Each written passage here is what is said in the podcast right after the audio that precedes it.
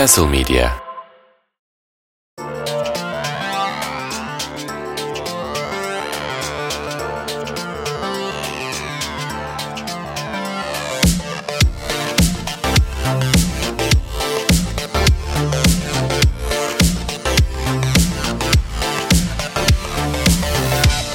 Gölgede ve Güneşte'nin yeni bölümünden herkese merhabalar. Bu kim? Nihat Güven'e ne yaptı diye soruyor olabilirsiniz. Nihat maalesef bugün kendini çok iyi hissetmiyordu. Biz de Fikret ve Onur da onu daha fazla zorlamamak adına yedek moderatör koltuğundaki ben Deniz Cem Pekdoğru'yu sisteme dahil ettiler. Bugün ben yardımcı olmaya çalışacağım. Faroe Adaları Türkiye maçını izlememiş olmama rağmen hoş geldiniz arkadaşlar. Merhaba. Merhaba. Öncelikle ben dediğim gibi Uluslar Ligi maçlarını izlememek gibi bir prensibim var. Hele adı Türkiye Faroe Adaları olan bir maç. Ya futbolu bu kadar sevmiyorum. 90 dakikamı buna harcamak istemedim ama sabah uyandığımda pazartesi sabahı Pişman oldun mu? hayır kesinlikle olmadım ama bu maçın bu kadar haber değeri taşımaması gerekirdi yani skora rağmen Faroe Adaları'na kaybedildi ama Tuhaf bir şeyler olmuş diye mi düşündün? Ha, skordan haberim vardı. Ben skoru da bilmiyordum. skordan haberim vardı ama yani bir infial beklemiyordum. O kadar garipsemedin sen o zaman. Ya ne olacak? Kaybedilebilir. Futboldur diye mi düşündün? Ya şöyle garipsedim ama tepkinin etki yaratan şey kadar büyük olmadığını, ölçüsüz olduğunu düşündüm. Çünkü dediğim gibi sabah uyandığımda Hamit Altıntop'un garip bir arka planda TRT mikrofonlarında konuştuğu ve işte iki buçuk dakikalık bir kesit alınmış ve bunun üzerinden işte sen yetkili biri olarak Türkiye halkıyla nasıl böyle konuşuyorsun, kahve ağzıyla insanlara hesap soruyorsun gibi ithamlar görünce bunu ölçüsüz buldum. E, neler oldu, neler yaşandı arkadaşlar dün gece? Yani evet Lüksemburg ve Faroe Adaları 2.90 dakikadan 1 puan çıkarmak Türkiye'nin şu anda futbol iklimi için sembolik bir değer taşıyabilir. Ama bunu Uluslar Ligi'nin C klasmanında üst lige terfi almış bir takımın iki hazırlık maçının neden bu kadar bir infial yarattı size doğal mı geldi bu açıkçası? Onu merak ediyorum. Ben e, kısa bir giriş yapayım. Sonra Onur alsın. Onur daha ayrıntılı şeyler söyleyebilir belki. Daha geriden yani maçlar başlamadan önce Lüksemburg maçı öncesi işte kadro açıklanıyor bilmem ne toplanıyor. Hava çok acayipti. Yani şöyle bir hava vardı. Sanki bu takımları Stefan Kuntz seçmiş. Bizi zorla burada oynatıyor. O görevi de zorla almış. Türkiye'yi oraya götürüyor. Kafasına göre de oyuncu seçmiş. Bu niye gelmedi, o niye gitmedi, şunu niye çıkarttın. Ondan sonra bir tanesi çıkıp şey diyor. Ya bu takımlara karşı asıl oyuncuları çağırmayın. U21 ile oynayın. Bir tanesi biz bunları hayatta yenemeyiz diyor. Ya öyle bir hava var ki. Tamam biz de biliyoruz bir Angarya bu iki maç. Kuntz da biliyor. Ve çok zor bu oyuncuları buraya motive etmek. Çok sinir bozucu bir de hakikaten abi. Şimdi Faroe Adaları'nı 10-0 yensen kimse sana vay be helal olsun falan demeyecek ama yani biz yenildik işte dün ama atıyorum 3-0 yenseydik hani sıradan bir oyunla yine eleştirilecektin. Yani eleştirisi garanti olan iki maç gibi bir şey. Tabii kazanabileceğin hiçbir şey yok. Aynen. Yani Kuntz açısından burada kazanabileceği hiçbir şey yok. Bu genel olarak bu arada Uluslar Ligi'nin formatında birçok ülkeyi de biraz başına bela olan bir şey. Biraz ona geçeceğiz. Bu arada ben girişte biraz moderatörlük konusunda idmansız olmam nedeniyle de şu açılışı yapmak da isterim. Onur hayırlı olsun. Gazete Duvar'da e, yazılarını okumaya başladık. Bugün Onur'un Faroe Adaları maçı ve sonrasındaki yankılar hem de maçın neler ifade ettiğiyle ilgili yazısını da gazete duvarda bulabilirsiniz. Bitmek bilmeyen çöküşün şimdilik son durağı başlıklı yazıyı önerelim. Devam edelim. Eyvallah teşekkür ederim. Yani benim söyleyeceğim yani giriş olarak söyleyeceğim şey bu. Böyle bir ortama, böyle bir motivasyonla gidersen zor yani orada oyuncuları o maça motive edip oradan 3 maç çıkan. Ben şunu bekliyordum. Yani benim için Kuntz'un hedefi şuydu. Hatta Onur'la da çok konuşmuştuk ilk geldiğinde. Gol yemeden C ligini bitirmeyi düşünüyordur Kuntz diyordum. Gol yemeden bütün maçları kazanıp çıkacak bu onun kafasındaki gelebileceği en üst noktaydı. 4 maç bunu yaptı. Ama işte aradan zaman geçti, birkaç ay geçti. Tekrar milli takımı topladı toplarken çıkan o bağırtı gürültü Faroe Adaları maçın sonuna kadar gitti. Yani en ufak bir destek vermeden. Ya beni şey şaşırtmadı. İnfial öyle dedi ya Cem hani Onur seni pek şaşırtmamış gibi görünüyor. Yani her zamanki şey yani Türk futbolundaki hani olumsuz bir sonuç olduğunda gördüğümüz manzaralar. Dün tabii hani beklenmedik bir durumdu Faroe Adaları'na kaybetmek, kaybetmemiz. Onun da getirdiği ekstra bir baskı vardı ama öncesinde zaten hani Fikret'in de az önce toparladığı gibi Kuntz özelinde çok tartışmalar zaten dönmeye başlamıştı. İşte oyuncu seçimleri başta olmak üzere. Şu niye yok, bu niye var. Gerçi bu da çok eski evet. de olan şeyler. Yani ben Şenol Güneş zamanında da en son hatırlıyorum aynı şeyleri bir şey hakkında futbol hakkında konuşabilmek için hani en kolay yöntemlerden biridir. Hani bir maç hakkında konuşurken de işte o niye girdi, bu niye oynamadı, işte o 11'de olur muydu falan tartışmaları yapılır. Bu geniş kadro üzerindeki tartışmaları da olağan buluyorum. Hiç şaşırmıyorum. Ama şey bence de yani saçma. Hani bu Uluslar Ligi'nin bu kadar büyütülmesi. Yani geçen şeyde de Şenol Güneş zamanında da C Ligi'ne düştüğümüzde de gereğinden fazla bir gümbürtü çıkarıldığını düşünmüştüm. Hı hı. Yani yine öyle yani şimdi hani zaten onu da konuşacağız galiba bu Uluslar Ligi'nin varlığı ne işe yarıyor? Hani ilk çıktığında nasıl sunulmuştu bize? Ben şey hatırlıyorum mesela işte hazırlık maçları artık olmayacak. Evet. Onun yerine Uluslar Ligi getirilecek ama hazırlık maçları komple kaldırılmadı. Hala oynanıyor. Ya şunun üzerinden biraz açıklanmıştı zaten. Yine televizyon reytingleri hani bu rastsal olarak eşleşen takımlar yerine bir lig bir olsun ve büyük takımları sürekli bu milli maç aralarında karşı karşıya gelirken görelim ve pazarlanabilecek yeni maçlar yaratalım gibi bir şeydi ama ben şeyi fark ettim mesela. Uluslar Ligi'ni kimler kazandı bugüne kadar bilmediğimi fark ettim. Belçika kazanmıştı galiba dedim. Baktım. Siz biliyor musunuz? Size hemen bir teste tabi tutayım. Bir İki şampiyon kim oldu? hatırlıyorum Yapma ben sanki. Ben de net Portekiz'i ben de hatırlıyorum. Ama başka bir daha oldu mu ki? Bir tane şampiyon var. İki, iki tane olmuş. İki tane. İşte Öyle dün Hırvatistan mesela yükselmiş onu gördüm. İkincisi de Fransa olmuş arkadaşlar. Ben de Belçika, Hollanda gibi bir şey yaptım. Hollanda'nın bir finali olmuş. Evet. Hmm. Belçika'nın bir dördüncülüğü olmuş. Ben tamamen uzak kalmışım ve iyi etmişim. Şunu kastediyordum Onur yani infial tabii ki Türkiye'de garipsenen bir şey değil ama bu Lüksemburg ve Faroe Adaları maçlarına gidilirken hani şeyin de ötesinde yani işte Salih Uçan neden yok, şu neden var, bu neden var. Salih Uçan bu arada şu ana kadar bir defa milli ol, A milli olmuş bir oyuncu yani. yani evet yani. Zaten bugüne kadar yok hiç işte, yoktu. İlk defa bu kadar olmaması tamam. Hamit Altıntop'un burada ama. bir menajerlik ağı mı var? Bunun üzerinden mi gidiyorlar? Üzerinden bunlar çok yani Türkiye'de çok zaten alışılagelmiş gündemler. Ama bu milli maç arasına girerken normalde hiçbir anlam ifade etmeyen yani Uluslar Ligi'nde de hiçbir anlam ifade etmeyen iki maç Faroe Adaları ve Lüksemburg maçı. Yani bunlarla neden oynuyoruz? Fikresine girişte söylediği gibi asıl sorulması gereken soru buyken ama bu da böyle çok masadaki böyle büyük soru olması gerekmezken çünkü yani Uluslar Ligi ile ilgili dediğin gibi Şenol Güneş'in gördüğü tepki de bence ölçüsüzdü.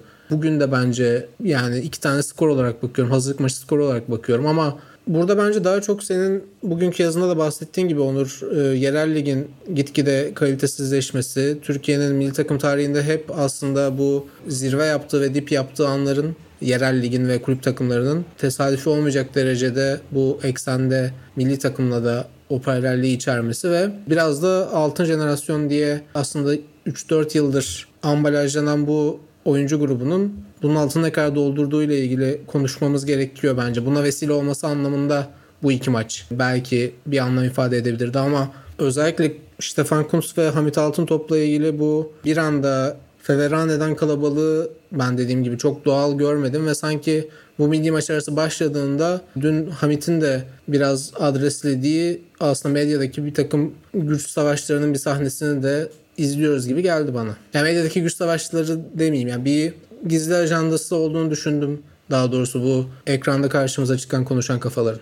Olabilir ya ben şeyleri çok izlemedim bu arada. Maç sonu işte televizyonda konuşulanlar veya ertesi gün işte gazetede yazılanlar biraz bakabildim. Ama yani tahmin edebiliyorum neler konuşulduğu söylendiğini. Gayet olabilir dediğin çünkü Hamit Altıtop çok bariz bir şekilde sanırım hani orada olduğu müddetçe bir şey istemiyor. Yerli antrenörle çalışmak istemiyor. E, Türk milli takımının başına tekrardan bir yerli hocanın gelmesini isteyen ciddi bir çoğunluk da vardır. Yani bu medyanın içinde de olabilir, ne bileyim işte federasyon yönetiminde de olabilir. Taraftarlar arasında da olabilir. Ve Hamit Altıntop şu an onun varlığı böyle bir atamanın önünde bir engel olarak duruyor. Dolayısıyla hani Kuntz'un tek başına gitme ihtimali şu an çok düşük gibi duruyor. Hani beraber Hamit Altıntop'la beraber gider giderse gibi duruyor. Dün Hamit Altıntop'un maç sonunda o TRT yayınındaki biraz masaya vurarak derdini anlatmaya çalıştık sekansta da sanırım biraz onun şeyi vardı yani sanırım kaderlerini beraber görüyorlar. Doğru. O da gayet iyi biliyor hani konusun görevden alındığı takdirde kendisi de artık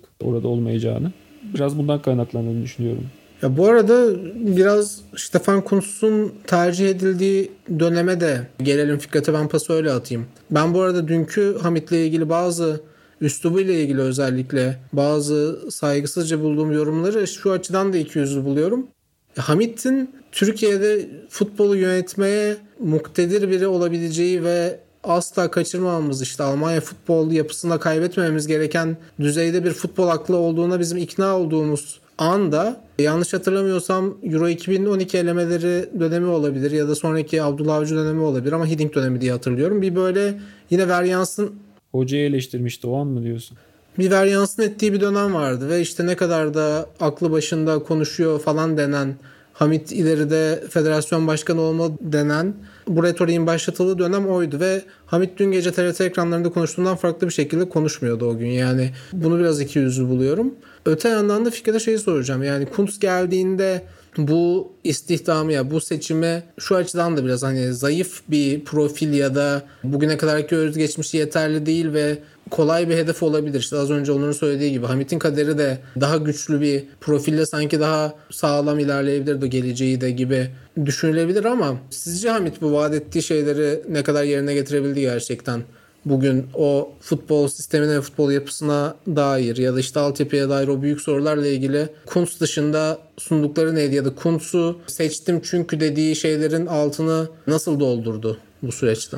Ya Kuntz'u ya ben açıkçası şeyi hatırlamıyorum. Hamit Altıntop'un kesin bir ifadeyle Kuntz'u neden seçtiğine dair. Tabii var böyle üstü kapalı şeyler falan. Almanya'nın altyapılarıyla çok içli dışlı bir adam. İkili ilişkileri çok kuvvetli bir insan. Şöyle ben Kuntz'u hocalığından çok televizyondan tanıyorum mesela. Hani öyle anlatayım size bilgimi. Yani bu 2018 Dünya Kupası'nda da daha sonra Avrupa Kupası'nda da resmi yayıncının yorumcusuydu Stefan Kuntz ve yani her tarafından iyilik ve mutluluk akıyor konuşurken. Yine Öyle sürekli bir... şakalar yapıyor muydu? Bizim ülkede Yapıyordu pek ama yani- o şakacılığı biliyorsun. Artık adam Bizde- şaka yapmayacağım bundan sonra demek zorunda kaldı. Gelişi zaten öyle olaylı olmadı mı? Yani Sergen'e laf atarak geldi. Aynen, aynen.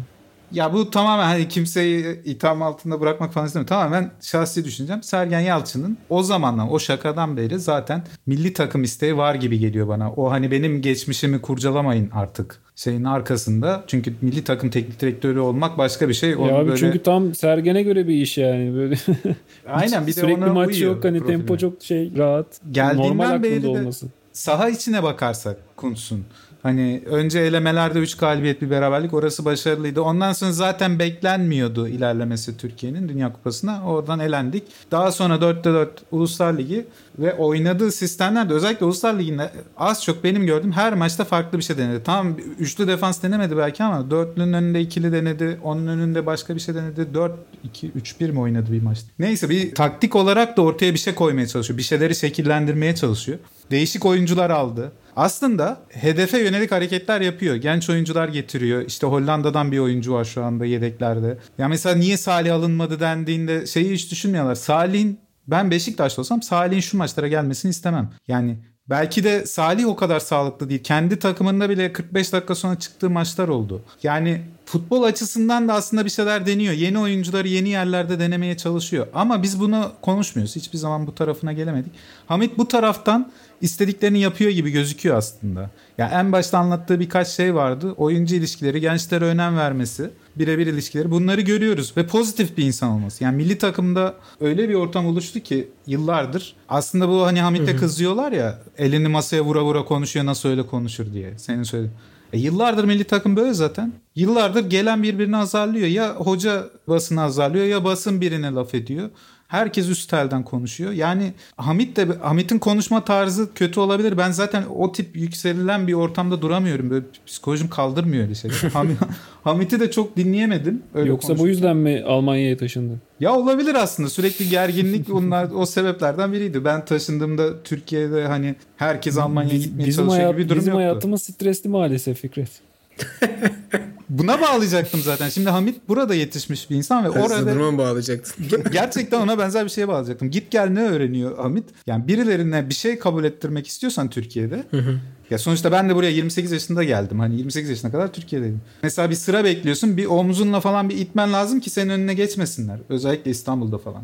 Hani taksi bekliyorsun. Taksiyi böyle sırada bekleyemezsin. Abi ben iki sene iki sene metrobüse binemedim ya. E, İşte kibar insan olursan metrobüse binemezsin. Çok net yani. E, Hamit bunu görmedi mi? Bunun yanında muhtemelen Hamit'in ses tonu yani konuşma tarzı da böyle bu arada. Kelimeleri telaffuz şekli sert. Yani ne olursa olsun adam Almanya'da doğmuş büyümüş ve Türkiye'de bütün zamanını geçirmiş insanlar kadar kendini iyi ifade edemiyor olabilir. Bu son derece doğal. Hani eleştirmek için Evet canım söylemiyorum. dil Bunun bariyeri da, olduğu ortada yani. bunun da getirmiş olduğu bir şey olabilir. Gerginlik olabilir. Yani kendini anlatamadığını hissediyor olabilir. Tam Ama işte dediğim gibi anlayabilir. 2012'de bu göreve neredeyse hani geleceğin kurtarıcısı dendiği dönemlerde de bununla etki sağlamıştı. Ama kesinlikle katılıyorum dil konusuna zaten. işte şey harbiden diyor ya Hamit sürekli. bu benim o lisede çok kullandığım bir şeydi böyle. Galiba o dönem popülerdi. Bugünün aynı gibi. O hep tatlı geliyor bana. Şey konusuyla ilgili şunu söyleyecektim Fikret. Yani taktik konuları söyledin ama bu Hamit'in tercih sebebi değildir muhtemelen de dedin. Yani ikili ilişkiler ve o pozitif havayı getirmesi. E, hakikaten bu arada yani Kuntz'un özgeçmişinde bildiğimiz gibi işte 8 yıl Kaiserslautern başkanlığından sonra bir anda federasyonun o hiyerarşisine giriyor ve U21 takımının, Ümit Milli takımın antrenörlüğü pozisyona geçiyor ki görevi devraldığı kişi de Horst Hrubesch. Yine hani böyle bir sahaya taktik bir akıl getirmesiyle ünlü olan değil. Hani Alman futbolunun önemli bir figürü olarak genelde daha yönetsel pozisyonlarda iş yaptıktan sonra ki işte U21'den o da kadın milli takımının başına geçmişti. Orada bir kısa bir süre geçirmişti. Biraz böyle idareci tarafını zaten ön plana çıkarak o Almanya U21 milli takımının pozisyonunu tercih yapıyorlar. O yüzden hani bu pozisyonun taktik gerekliliklerine ne kadar cevap verebilen biriydi ya da ne ortaya koydu bu biraz gerçekten tartışma konusu ama şu anda milli takım başındaki kişinin taktik yetkinliği mi tartışılması gereken konu çok emin değilim yani Onur sen ne Ya düşünüyorsun? muhtemelen bilmiyorum. şey hani genç bir takımımız var şu an. Yaş ortalaması genç bir takımımız var. İşte senin de söylediğin gibi Kutz'un Almanya'da genç yaş kategorilerinde çalışmış olması mutlaka etkilemiştir bunda. E, ikinci etken de şeydir hani milli takım adı ama çok yerli olduğu söylenemez. Hani daha çok Avrupa'da doğmuş büyümüş oyunculardan oluşan bir takımımız var bizim. Yani Türkiye'deki bölgelerden ziyade hani Kuzeyren Westfalia biraz Türkiye'nin oyuncu havuzunun biriktiği esas yer gibi görünüyor. E bu da etkenlerden biri olmuştur. Yani Almanya'dan gelen oyuncularla daha iyi anlaşabileceği düşüncesi. Ama şey de vardı abi. Şenol Güneş o işte Euro 2020'deki başarısızlık üzerine işte eleme Dünya Kupası elemelerinde zaten Hollanda maçıyla gitti görevden. 6 gol yediğimiz maçtan sonra. O dönemde en çok Şenol Hoca'nın eleştirildiği taraflardan biri hani taktik olarak çok yetersiz oldu. Artık günün gerisinde kaldığı söyleniyordu ve Hamit Altıntop da bunlara katıldığını açıkça belirtiyordu. Yani taktiksel bir eleştiri de vardı o dönem milli takımın teknik direktörü koltuğuna ilişkin. Demek ki yani onun yerine Kuntz geldiğine göre taktiksel olarak da Kuntz yeterli bir figür olarak görülüyordu Hamit Altıntop tarafından. Ya bir de onun yardımcılığına Kenan Koçak geldi. Şimdi şöyle bir şey var. Az önce Cem'in söylediği gibi taktiksel dehayı milli takım başına getirmek gerçekten bir de şu dönemde çok gerekmiyor olabilir. Hani yine oraya gideceğim. Ben çok severim o hikayeyi de. O Klinsmann Löw hikayesi. Yani onun böyle birkaç seviye altında bir şey de olabilirdi bu. Yani şimdi başta Kuntz var, arkada Kenan Koçak var. Şimdi Kenan Koçak ismi muhtemelen Türkiye'de hiç çoğu insana bir şey ifade etmiyor. Ona direkt A milli takım teknik direktörü yapamazsınız Türkiye'de. Anında yok ederler yani. Kuntz da dayanamıyor. Ama taktik bilgisi var. Ve genç 40 yaşında daha herhalde 41 yaşında falan Kenan Koçak. Kenan Koçak bildiğim kadarıyla bu Almanya'daki o lisans programından çıkan o Tedesco'ların falan hatta aynı dönemde olması gerekiyor. Evet evet yakın Evet o dönemlerin Evet, o evet, yeni evet, jenerasyon hocaların başında geliyor yani. Şöyle Sandhausen'daydı herhalde. Sandhausen'da Evet. şunu çok iyi yapıyordu. Underdogken o takımı çok iyi oynatıyordu. Yani kimse şans vermezken o takım senelerce ligde kaldı. Ama hep aynı hikayeye geliyoruz. Süreklilik var. Ben futbolu bu kadar basit düşünüyorum. Bir şey sürekli tekrar ederseniz sonunda bir başarı gelir. Fark etmez yani hani orada üçlü mü oynadın, beşli mi oynadın, dünya yıldızı mı getirdin. Orta seviyede olsan işte İsviçre sürekli kupalara gidiyor. İsviçre ile biz başa baş oynuyoruz. Veya Avusturya'yı beğenmezdik rakip olarak. Avusturya'da bir şeyler Macaristan ya da şu an bayağı bir çıkışta. Sırbistan. Yani bunların hepsi bir şeyleri tekrar ederek bir noktaya geliyorlar. Ya biz Hırvatistan'la aynı seviyede bir takımdık. Şu anda yani yarışamayız bile. Hani Hırvatlar güler muhtemelen öyle bir şey dersen. Ama abi şimdi mesela az önce konuşuyorduk ya işte kulüp takımlarıyla milli takımları beraber değerlendirmek lazım. İşte Sırbistan mesela seneye şampiyonu Şampiyonlar Ligi'ne direkt gidecek. işte Avusturya'nın Salzburg'u var hani uzun zamandır Avrupa'da başarılar elde eden. Ya bizde o tarafta da Norveç'in bile Bodo Glimt'i var abi son Evet yani sürekli tokat yerken kulüpler Avrupa'da hani milli takımın bir, belli bir standardı tutturması bile abesle iştigal. Yani o, o da elbette bu düşüşe iştirak edecek. Bu, bu bir paket olarak değerlendirmek lazım. Ben arkada yani kötü de şöyle Cem'in ilk söylediği şey vardı ya o Hamit ilk bir konuşma yaptığında herkese "Aa işte ileride bu yönetmeni falan. O zaman ben öyle düşünmüyorum. Çünkü ben Hamit'te Hamit çok ısındığım bir karakter değildi benim Hamit Altıntop. Ama şu anda da Hamit'e karşı söylenenleri yanlış. Ben de böyle arada kalmış gibi oldum da. Ya Hamit Türkiye'den yetişen bir futbolcu olarak o konuşmayı yapsaydı zaten Almanya'dan yetişen bir oyuncu olarak gördüğü etkiyi yarattığı etkiyi yaratamayacaktı. Onu Almanya'dan bizim gibi histeriyle konuşarak bu gözlemi yapan kişi olarak onu ayırdılar. Bir sentezi değerli gördü insanlar. Ben de bu arada gereksiz bir önem atfedildiğini düşünüyorum. Hani öyle çok ne denir yeni bir şey söylediğini düşünmüyorum o konuşmada ama öyle bir retorik oluştuğunu çok net hatırlıyorum. Evet ama arka planda bir şeyler yapmaya çalışıyor. Yani işte bu Kenan Koçak'tan bahsettim. Şeyi konuşmuyoruz hiç. Bu arkaya getirdiği hocalar ne yapıyor? Neleri tarıyor? Nasıl bir oyun sistemini benimseyeceğiz? Hani buralara hiç gelemedik biz. En başta Stefan Kuntz'u konuşuyoruz. Çünkü onu kovarsak öbürlerini de kovacağız. Yani Ama şu biraz hayal kırıklığı değil mi? Kenan Koçak'tan bahsettin. Evet çok gerçekten oraya getirmek, Kuntz'u baş antrenör olarak getirmekten daha da belki vizyoner hani içinde bir hamle. Ama neden mesela hala bizim Ümit Milli takımımızın başında Tolunay Kafkas görevi yapmaya devam ediyor mesela. 10 yıldır neye çözüm oldu da bugün evet biraz galiba kapsamı daraltıldı. Daha önce biraz daha futbol gelişim koordinatörü gibi böyle yine bir garip bir titri vardı. Şu an sanırım sadece Ümit Milli takımı çalıştırıyor. Ama biraz daha siz tümden bir değişiklik, bir yıkım sonrası bir hani daha dramatik bir şey beklemiyor muydunuz Hamit'ten ve onun getireceği şeylerden ya da bilmiyorum. Ben fazla anlam mı yüklüyorum? Ben kendi adıma ne Hamit Altıntop'tan ne Stefan Kuntz'tan ne de diyelim ki bu ikili gitti yerlerine başkası geldi. O yerlerine geleceklerden tek başlarına bir şey beklemiyorum abi. Zaten benim itiraz ettiğim temel argüman bir kurtarıcı bekleme durumu. Yani kurtarıcı beklediğimiz müddetçe işler düzelmeyecek. Ya arka planda yine elle tutuluşlar yapılıyor inancındasın ama Fikret sen. yani milli takım yani A milli takım bazında bir şeyler yap en azından ben buna inanıyorum. Yani çünkü boşu boşuna gelmez. 41 yaşında Almanya'da hani yükselme şansı olan bir insan oraya geliyorsa ona bir proje sunulmuştur ki geliyor. Ama o taraftan hayal kırıklığına uğrayabilirler. Türkiye'yi çok iyi analiz edememişler demektir. Çünkü bizde o planlama o hani dedim ya bir şeylerin tekrar etmesi lazım ki bir noktaya gelelim. Bir oyun şablonunun bir kadro yapısını tekrar etmesi lazım. Aynı hocalar. Yoksa Kunz değiştiğinde çok bir şey fark etmeyecek. Eğer bu arkasındaki hocalar kalırsa A milli takım seviyesinde Kunz gidebilir bir iki senene. Başkası geldiğinde de bunlarla bu şekilde bu kafayla devam edilirse oradaki sistem kalırsa ki Hamit de Almanya'da büyüdüğü için sistem sevdalısı olabilir. Onu uygulamaya çalışıyor olabilir. Ha, senin soruna gelince orada ben şunu düşünüyorum. Hani diyorlar ya işte Hamit nasıl böyle kahvehanedeki gibi konuşuyor falan. Asıl o altyapıdaki hocaları bakmak lazım yani. Ya açıkçası benim 10-17 yaşında çocuğumu Tolunay Kafkas yetiştirsin istemem abi. Yani o kötü biri olduğu için değil. O sert bir kişilik olduğu için yani ondan öğreneceği şey kaba dayılıksa hiç olmasın yani. Ya pedagojik formasyon açısından da hiç hani alt yaş gruplarıyla yan yana düşünemediğim biri neredeyse 10 yıldır 15 yıldır kesintili olarak Tolunay Kafkas yapıyor. basın toplantısında dövecek gibi azarlamadı mı şeyleri? Hatırlıyor musunuz o videoyu? Soru soruyorlar bir şey oluyor anlaşamıyorlar azarlıyor. Yani böyle üstüne yürüyecek. E, o asıl mahalle ağzı o. Yani mahalle ağzı da değil. O orada dövecek yani tutmasalar Tolunay Kafkas'ı. Futbolculuğunda da asabi bir karakterdi yani. Biraz bu oyuncu grubuna konuyu getirmek istiyorum. Yani Hamit'in dün o feveranı içerisinde kaybolan bir şey oldu ama şunu anlatmaya çalışıyordu biraz daha tansiyonun düştüğü anlarda. Yani biz şunlara bakmalıyız. İşte Salih Özcan milli takıma kazandırılıyor, kazandırılmaya çalışılıyor. Ona bakalım.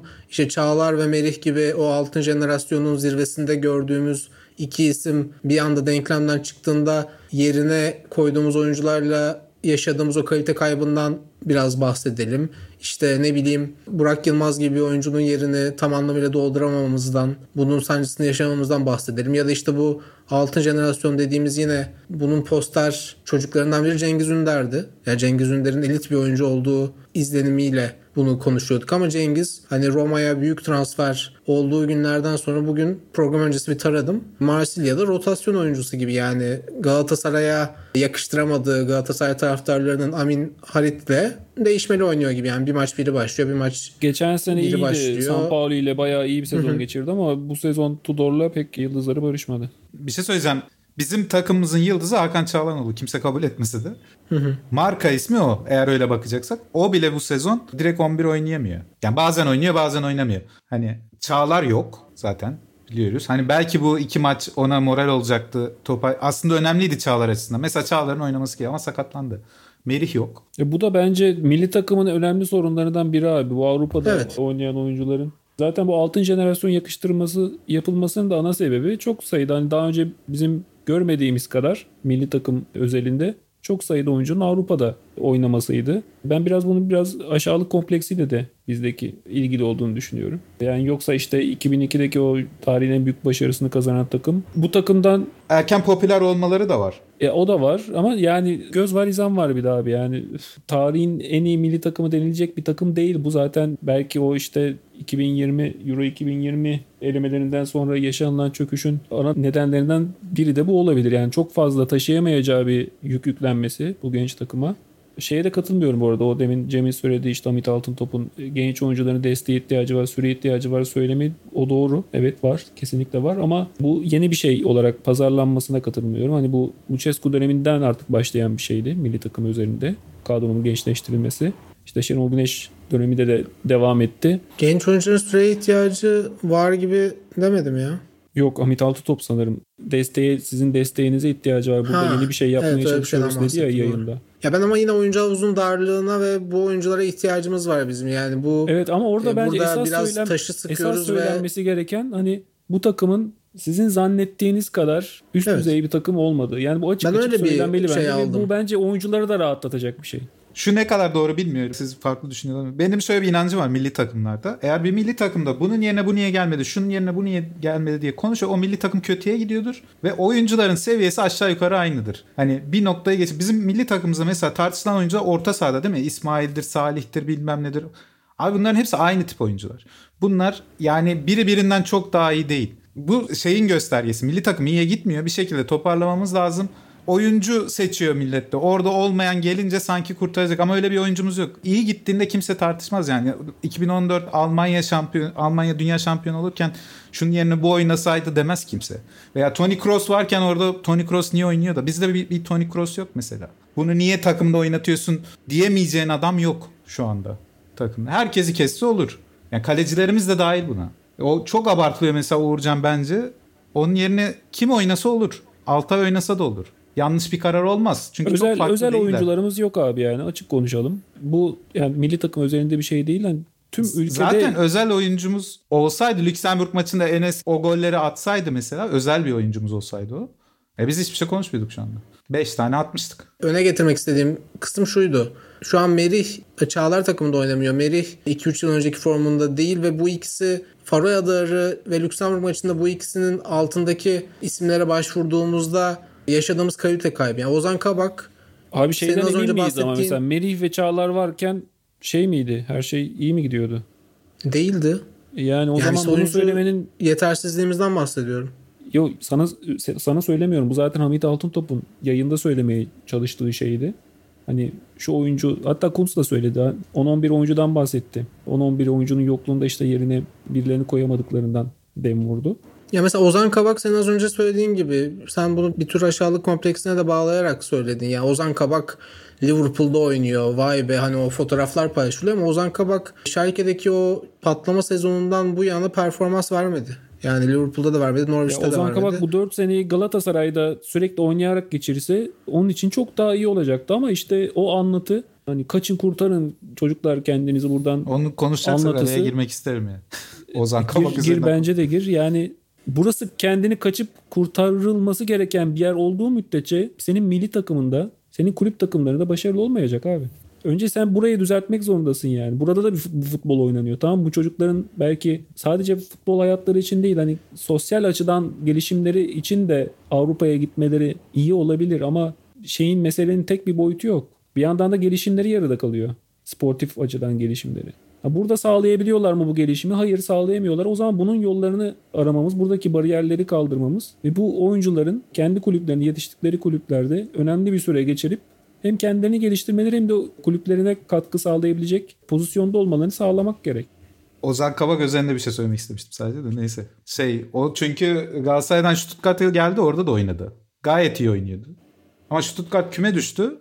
Belki Hemen evet oradan transfer sonra oldu. Evet başlamış olabilir. Ozan Hemen transfer oldu. Olmaması gerekiyordu.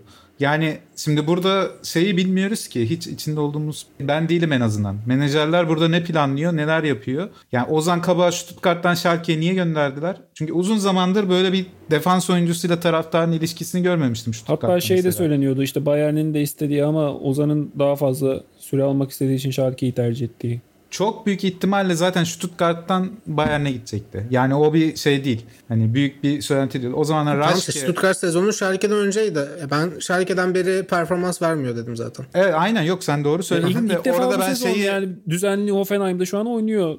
Hatta geçen ay ayın oyuncusu seçildi galiba. Onun oyun stilinde de Türkiye milli takımı oynamıyor ne yazık ki. Yani Ozan Kabak böyle bir futbolcu haline geldi. Önde basacak, driplingle çıkacak falan. O zaman faydasını görüyorsun. Daha ileride kurduğun zaman, içeriye doğru gömüldüğün zaman Ozan Kabak hatalar yapıyor. Türkiye milli takımı da o kadar nasıl oynayabilir onu bilmiyorum şu anda. Yani çok özel bir oyuncu oldu. Belirli formatta çok iyi, belirli formatta çok kötü. Verimsiz oynuyor yani. Ama ben orada sadece şeyi söylemek istedim. Kim kimi nereden alıp nereye götürüyor onu bilmiyoruz ya. Yani Schalke'ye niye götürdüler? Schalke'den niye Liverpool'a götürdüler?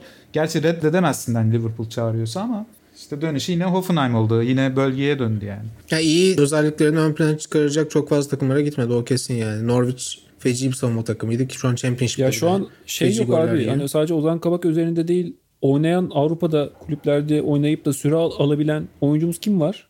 Yok Enes var ya. sanırım. Enes Ünal. İkinci isim ya şu an kadrodaki oyunculara bakıyorum bir yandan. Önümde liste var. Mesela Rıdvan Yılmaz şu an oynamıyor. İşte Cenk Özkaçar var kadroda Valencia'da oynamıyor. Kaan Ayhan Sassuolo da oynamıyor. Doğan Alemdar Rende fena süre Yedek almadı kaleci. geçen sene ama yedek kaleci. Zeki Çelik oynadığı söyleyebiliriz Roma'da. Başka bakıyorum şu an listedeki oyunculara. Halil Dervişoğlu Şu an oynamıyor. oynamıyor Burnley'de. E nasıl olacak? E, Bu arada Faroe Adalarına çıkan ikili de oynamıyor ki Fenerbahçe'de. Serdar'la İrfan çıktı. Hani ileride. olmayan oyuncular işte Çağlar'dan bahsediyor. Çağlar zaten şeyde yok. Kendi takımında oynamıyor. Hani son maçta Lüksemburg maçında da gördük. Orada da hani performans ortadaydı. Ben şöyle bir toparlama yapayım kendi açımdan sadece. Şimdi Kuntz'a döneceğim tekrar. Oraya. Yusuf Yazıcı döndü bu arada. Oynayamayıp tekrar. Kuntz'a döneceğim tekrar. Şöyle döneceğim. İleride teşekkür edebileceğimiz belki şeyler de yapıyor. Hani bu Salih Özcan'ın nasıl seçtiğini bilmiyorum milli takıma. Eğer bunu getiren Kuntz ve Hamit Altıntop'sa muhteşem bir oyuncu geldi Türkiye'ye. Ha, hiçbir zaman daha o beklenen performansa çıkmadı Salih. Ama çıkarsa yani biz İlkay seviyesinde falan bir oyuncuyu aldık milli takıma. Ama daha göremedik tabii. Şimdi böyle bir Türkiye milli takımında böyle bir şey var. O Almanya'da çok parlayan oyuncular dönüp bizde çok büyük performans veremiyor. Teknik yani. kalitesi o kadar iyi mi diyorsun ya Salih? Ya İlkay gibi derken şey olarak hani isim olarak o noktaya gele- gelebilecek biri. İyi ama teknik kalitesi de iyi. Ama başka Nuri özellikleri de var. Hakan sendromundan bahsettin Fikret değil mi? Aynen. Yani Almanya'da o kadar parlayıp bizde Şu an olmayan Türkiye'de oyuncular zaten var. Yıldıray var galiba sanırım. Hani Almanya'da doğup büyüyüp de milli takımda başarı elde eden. Var mı başka? ikinci bir örnek geliyor mu aklınıza? Hamit. Milli takımda büyük başarılar elde eden Hamit. Evet. Euro Hamit. 2008. Çok yok. Ya bilmiyorum Salih'ten şöyle bakayım. Salih şeyi biliyor musunuz? Fritz Walter madalyası var. Her sene bir genç oyuncuya verilir. Bunu alanlar işte Neuer'dir, ne bileyim Müller'dir falan. Bu o tayfa yani. Almanya'yı dünya şampiyonluğuna götüren tayfa mesela. Kendi döneminde de Salih aldı bu madalyayı.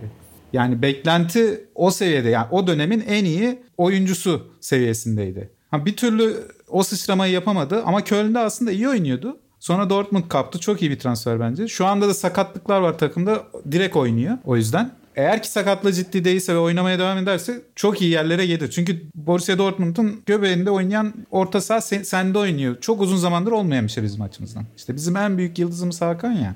İkincisi de Salih olabilir şu anda. Ama o da şeyi göstermiyor tabii. Hala içeriden futbolcu çıkmadığı için.